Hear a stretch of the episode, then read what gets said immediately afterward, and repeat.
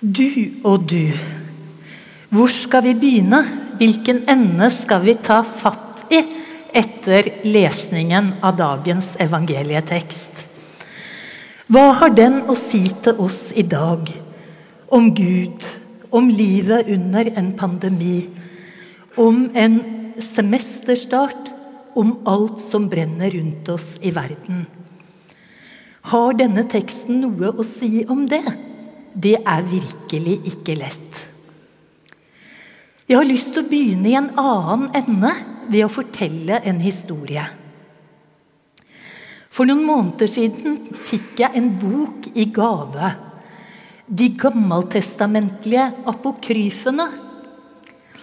Apokryfene, eller de intertestamentale skriftene, som de også kalles, er en rekke jødiske tekster som ble skrevet i løpet av en 400-årsperiode mellom Det gamle og Det nye testamentet.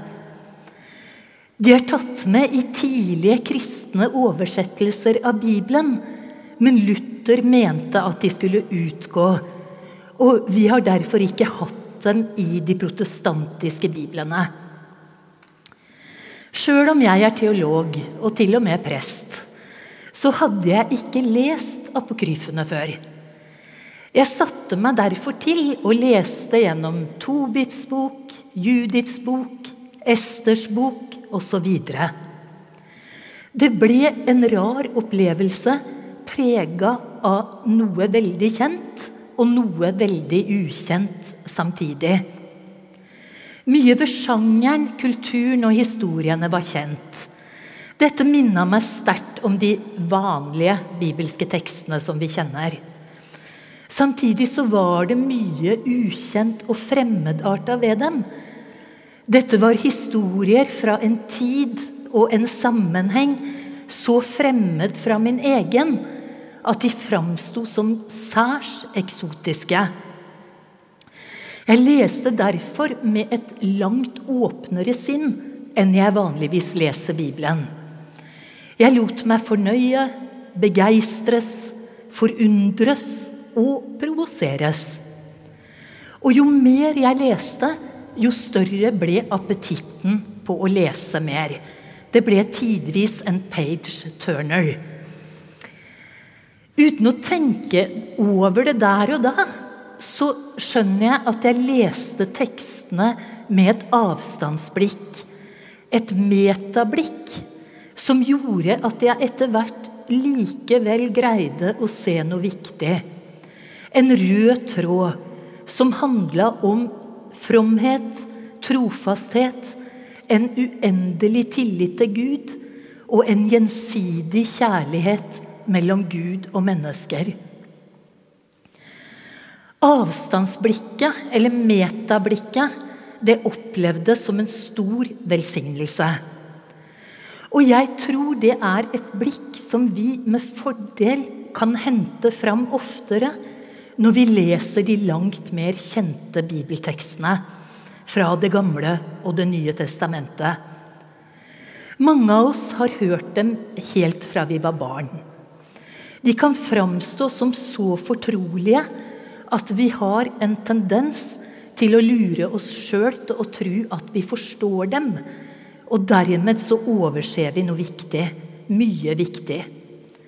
Mange her i dag har sikkert vokst opp i en luthersk, rasjonalistisk og til dels pietistisk måte å lese Bibelen på. Der hvert eneste ord i Bibelen skal gi mening, helst umiddelbar mening, og korrespondere med en bestemt, bestemt situasjon i dag av typen hva kan denne teksten si til oss her i dag? Kanskje det ikke alltid er et spørsmål å stille når vi leser Bibelen.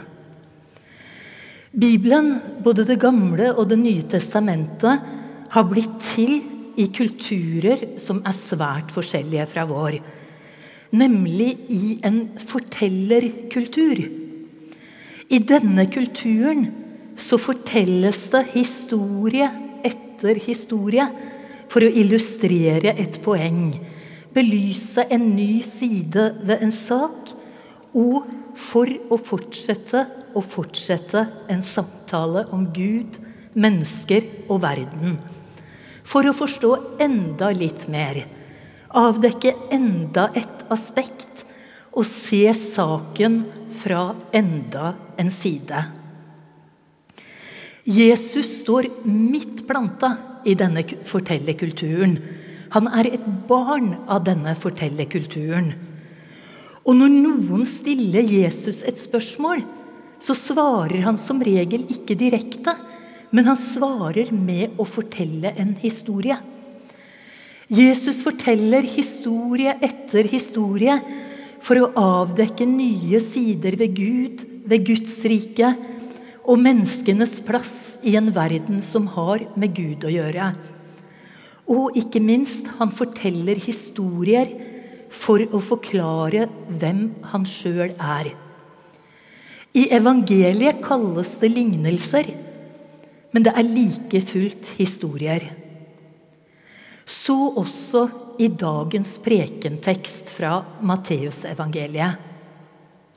Det er en veldig vanskelig tekst hvis vi skal lese den med norske pietistiske briller. Det er en tekst som er en historie, og som føyer seg nok en gang inn i en lang rekke historier. Den forteller om en ufattelig rik mann som drar utenlands. Han gir tre av tjenerne sine en svær sum med penger. Fem, tre og ett talent. Én talent. Etter det hver enkelt hadde evne til. Når mannen kommer tilbake, så må tjenerne gjøre rede for hva de har gjort med pengene. De to som hadde fått mest, drev handel og fordobla summen. Men den tredje, han som hadde fått minst, tenkte det var lurt å ikke sette pengene over styr. Fordi han visste at herren hans var en hard mann. Han gravde den derfor ned og det ble ingen avkastning, men det ble heller ikke tap. Hva skjer med denne forsiktige tjeneren? Stakkars mann. Han får en overhaling og blir utskjelt som dårlig og unyttig. Han blir fratatt sin ene talent. Den blir gitt til han som tjente mest. Og så blir han kasta ut i mørket, der de gråter og skjærer tenner. Hva i all verden er dette? Hva vil Jesus si med denne historien? Er mannen som dro utenlands, Gud? Er Gud en markedskapitalist som forventer avkastning? Er dette en teologi som gir uttrykk for en resultatorientert Gud? Hva med den stakkars tjeneren som var forsiktig og engstelig og fant ut at det var best å grave ned det han hadde, men som tok feil? Er det dristige investorer Gud ønsker seg? Hvor ble det av nåden? Hvor ble det av alle Jesus-historiene? Som sier det motsatte. At de siste skal bli de første. Hvor ble det av arbeiderne som kom sist, men som fikk samme lønn som de som hadde jobba hele dagen? Jeg tror ikke det er mulig å, å finne svar på hva denne historien egentlig betyr, ved å forsøke å sette den inn i en rasjonell logikk. Den jødiske bibelforskeren Amy Jill Levine, som driver med en særs interessant forskning på bl.a. Jesus og Det nye testamentet, sier om Jesu lignelser. Hva lignelsene egentlig betyr, forblir litt av et mysterium. Det er fordi Jesu favorittmåte å snakke om Guds rike på er gjennom historier, gåter og metaforer. Alle Jesu historier eller lignelser skaper nye spørsmål og nye historier. De er fulle av motsetninger, provokasjoner og utfordringer. Hva om vi tar et skritt tilbake, forsøker å bruke metablikket og se på de lengre linjene?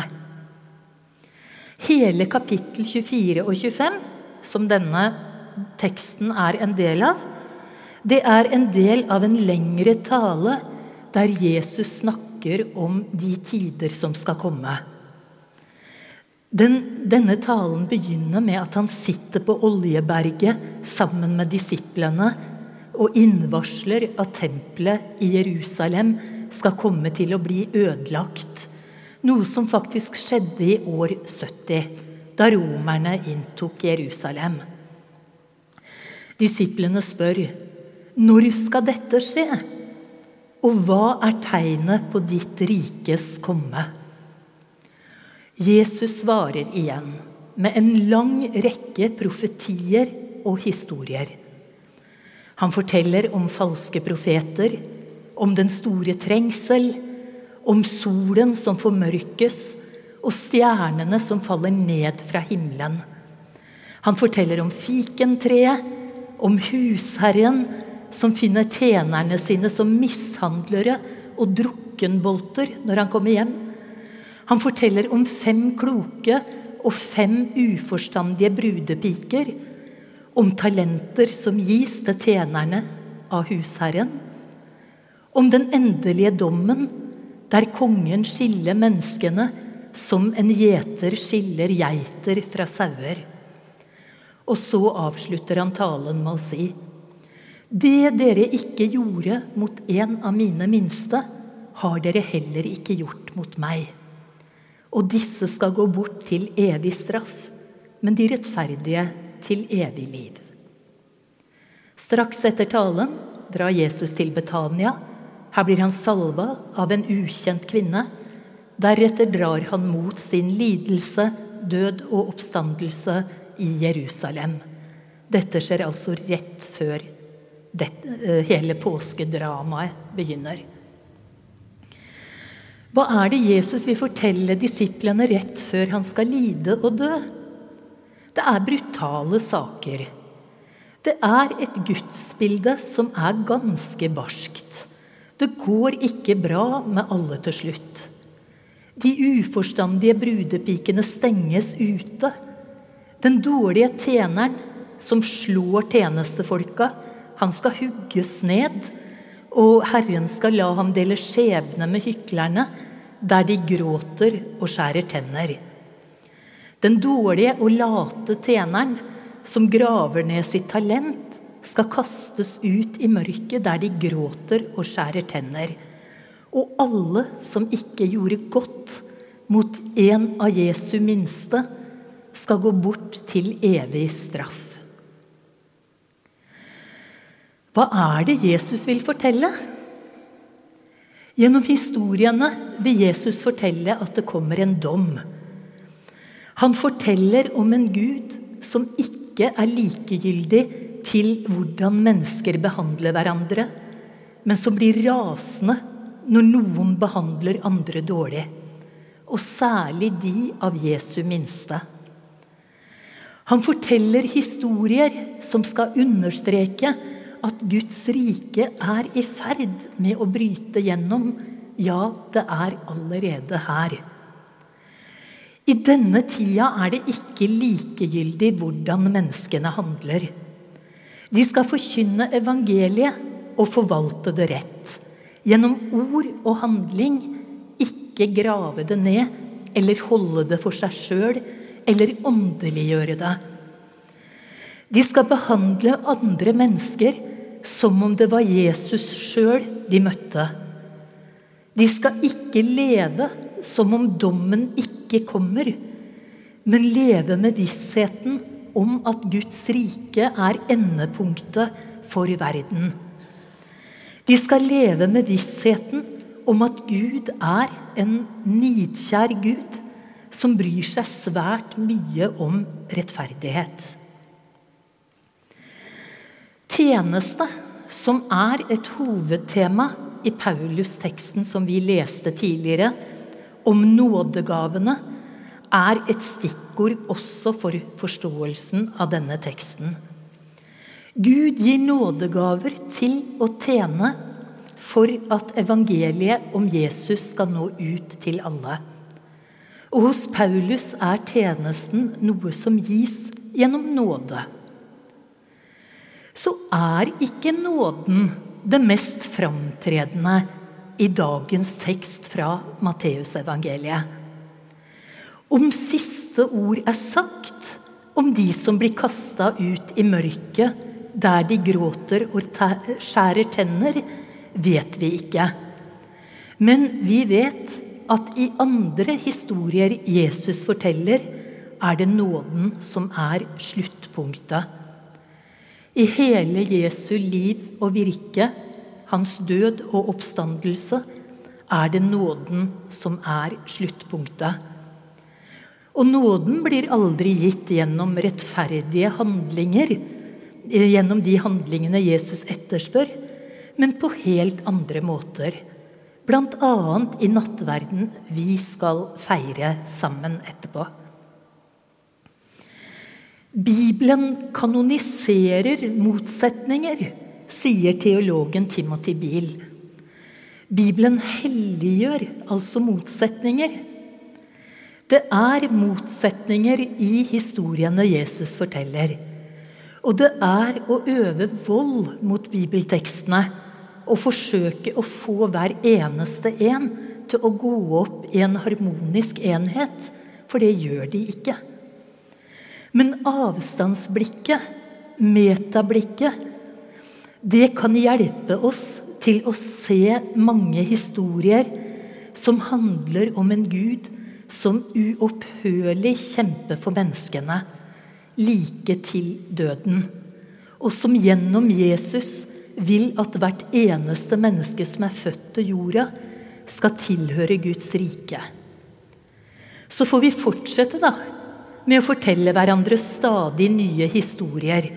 For å hjelpe hverandre til å skjønne hvordan vi kan bringe rettferdigheten, kjærligheten og nåden ut til verden og hverandre.